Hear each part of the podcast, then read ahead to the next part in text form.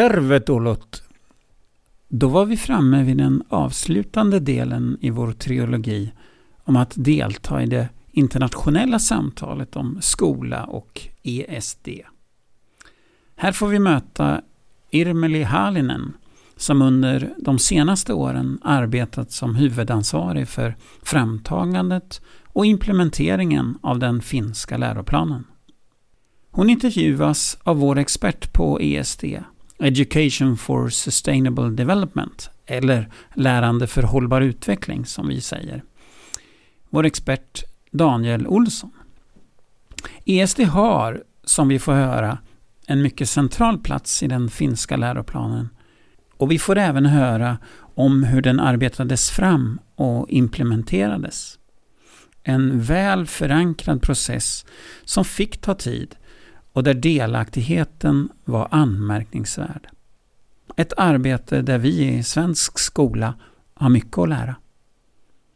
Finland är ju ett mycket intressant land att kika på med tanke på deras framgångar i mätningar, men framförallt på den allmänna synen på utbildning och skola. Visste du förresten att i lärarutbildningen i Helsingfors så tar de endast in 7% av de sökande. Det är en viss skillnad mot lärarutbildningarna i Sverige. Men nu över till Tallinn, Daniel och Irmeli Hallinen.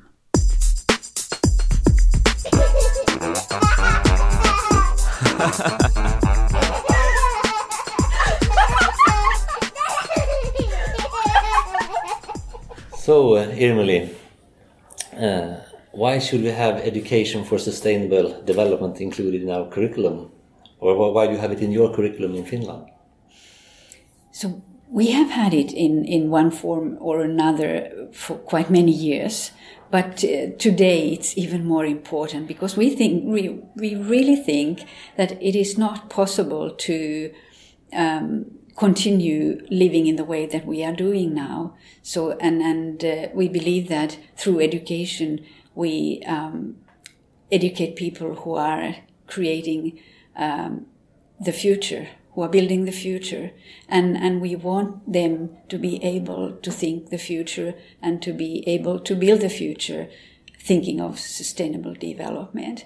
But we very often we emphasize that when we are working with children, so it must be you know in, in a size of children in a way, so that we should not uh, put a, a heavy burden on on children's shoulders, but help them to understand the importance of sustainable development and help them to understand that it matters how they live what kind of choices they make in their life and, and how they act in their environment and with other people.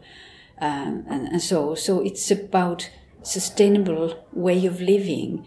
They are, we try to educate them for sustainable way of living so that they could promote sustainable development. Okay. Um, you have recently developed a new curriculum in Finland. Yes. And you are the head of this development process. Yes. So is, is uh, education for sustainable development visible in the new Finnish curriculum? Oh yes, very strongly. It's uh, in in a way it's the here I could say the green. Um, th- what is it? thread or Yeah, Yeah. yeah, going through the whole curriculum. Um, so it is embedded in the goals. We, it is our main purpose, main goal to, to educate people who are able to sustainable way of living and understand the importance of sustainable development.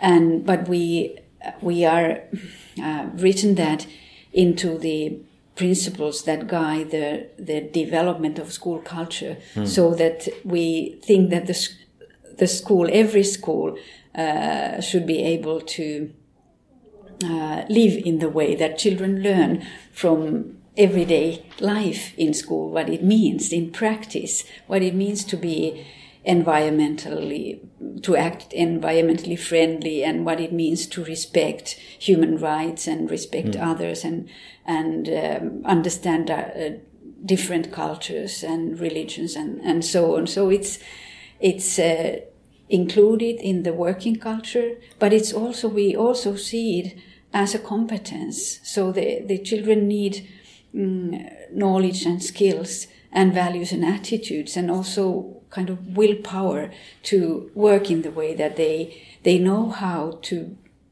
influence things, how to be involved, how to participate, uh, how to uh, have an effect on on our common life, and they are able to think the future mm. and and then think how they are uh, living at the moment.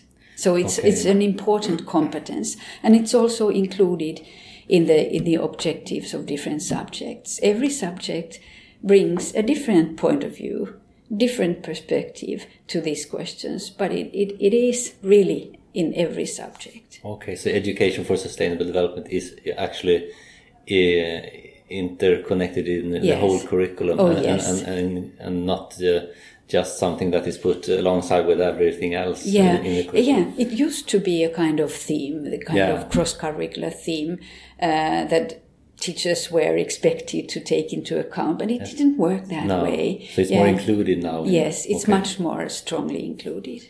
Okay. I thought about when you, when you held your keynote speech here, I thought it was really interesting to listen to the process of the curriculum mm -hmm. development, the, the, kind of approach you had there. It, it's a sounded a lot like uh, education for sustainable development yeah. to, to, me the, yeah. the process uh, what is your uh, what was your thoughts when you as a head of this uh, curriculum development what were was uh, what was your idea about well the idea was that the the process must be sustainable. We we must be ourselves must be examples of what it means to um, work in a sustainable way. And uh, it, it means that our process was very transparent, very open, so that people could see all the time what is happening and what kind of plans or, or drafts we, we were producing with other. It, it was based on collaboration, very strong collaboration, where the teacher's role was, mm. was very central. And uh, also taken into account I, I think more deeply than before what is happening around school, around education. So we can't think only education, we have to think what is happening in our world, how uh, the life of our children is changing, and how the working life is changing, and how the um, kind of global um, mm, prerequisites are, are, changing, what kind of challenges we have to, to meet. And so we, we had I, I, think huge amount of discussions on that before we went to the pedagogical questions. Mm. So uh, we tried to create better understanding where we are at the moment, where we are trying to go, what is our direction, and, and what is important in education. And only after that focused on on these kind of re- pedagogical okay. issues. Sounds like a lovely process, I think. yeah, I, I, I think it was really enjoyable. It was it was great to do to work with people. We had more than 300 people working in in the, these curriculum groups, and they all groups had also kind of online consultation groups. So we we were using digital tools to have more people to join the process. And then we also published the drafts and asked people to give feedback. Mm. And the more uh, people saw what we were planning, the more they wanted to be involved. And uh, during the process, we got more than 4,000 op- opinions on our websites and more than 200 municipalities who had collected the feedback from teachers and parents and from pupils, they gave feedback to us. Mm. And, and so it was a process of real, I would say, real collaboration, listening to each other, having different opinions, trying to um, uh, put together even contradictory um, viewpoints and, and through negotiating find the best possible solutions. Yeah. So now you have a curriculum in Finland yes. that includes uh, education for sustainable development in a good way. So how, how are you going to implement it in practice is that already done, or do, are you working with it right now? And yeah, where are you? Yeah, we uh, it, in Finland it goes like that. That we have national core curriculum that gives uh, guidelines, um, common objectives, and main guidelines for uh, development of different areas of school life. But based on that, uh, municipalities who are responsible for providing education, they draw up their own uh, local curriculum. And in, in that process, they look what is said at the national level, at the state level, and then they think what they need in their um, municipality, in their surroundings. What are the opportunities or possibilities in their surroundings? What are the needs of families and children? And then they put their own emphasis or their own solutions on that.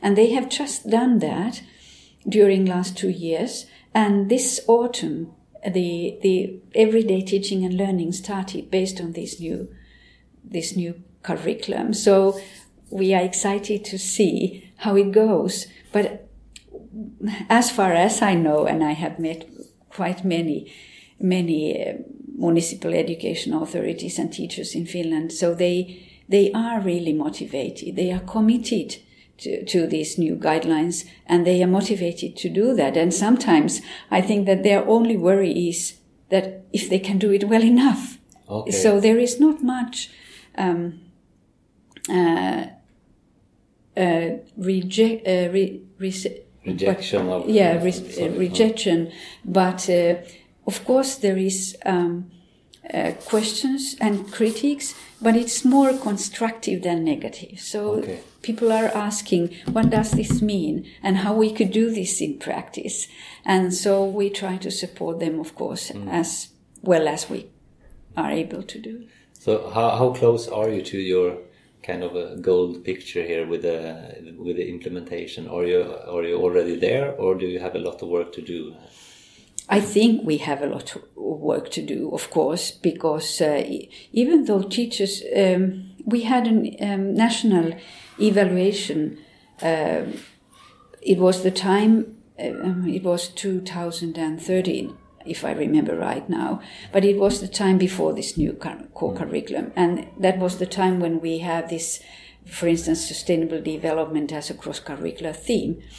And the, the good result was that teachers really valued, they, they thought that this is important, that we really want to teach this. And they trusted their own uh, knowledge and skills. And uh, so they assessed themselves and said that, yes, we are able to teach according to these guidelines. But then the, the evaluation also showed that not so much happened in the everyday school life. They might be teaching the main things connected to sustainability in different lessons, but not so much working according to those principles. So I think there is much to do. And, and, uh, but I'm, I'm pretty sure and I'm, I'm really trusting that, um, that our teachers and everyone working in education is able to do that. Mm.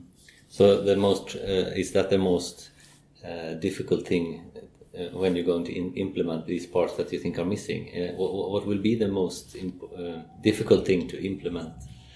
Uh, do you have an idea about that? Mm. Well, sometimes the the, the the the the way of working, so-called school culture, yeah. how it how it really is, how how the everyday reality really is, and also I I think one of the big challenges is that because we want to emphasize the active role of students and to uh, give more space for students' own initiatives, yeah. own ideas and thoughts and questions, and help them help pupils to work better together and, and learn how to negotiate and solve problems. So that is a challenge for teachers. So it is teachers are Finnish teachers, they are very well trained, educated, but they, in a way, I, am a teacher myself. My background is in teaching. So I know that we very easily f- fill the whole time with our own mm. speech, with yeah. our own thoughts and ideas. And it's so difficult to really give space for students and to change the role of a teacher to more kind of uh, the one who creates opportunities for learning and not is it's telling uh, or speaking what what children should learn and and uh, just giving information but really creating good learning circumstances for children that's our mm. challenge yeah uh, i have a, a, last question for you what are you most proud of in this uh, uh, implementation in this curriculum development what or what are you most proud of? Proud of? Mm, that's a difficult question. So I'm, I'm, I'm really proud of the process because we somehow managed to connect uh, uh, not only understanding of, of um, those who are working in education, but also research and, and uh, the results of societal analysis and, and thinking about working life and things like that. So they um, kind of they all all these perspectives helped us to understand what we should do, and uh, then we managed to based on the feedback what we got we managed to create uh, some new tools for teachers so that teachers felt that these are going to be helpful for us. Mm. And I'm, I'm really proud of our teachers because they have been so active in the process, so positively critical and helping us to find the weak points of the, the plan of the curriculum and, and they, they have been suggesting how we should do what are the alternatives and, and things like that. So, and, and now they seem to be committed to really do that in practice. So I'm, I'm, I'm really proud of them. Okay. I would like to thank you very much for this little talk. Thank you. Thank you for doing this. Thank you mm. so much. And good luck in the future with, with everything. yeah, thank you.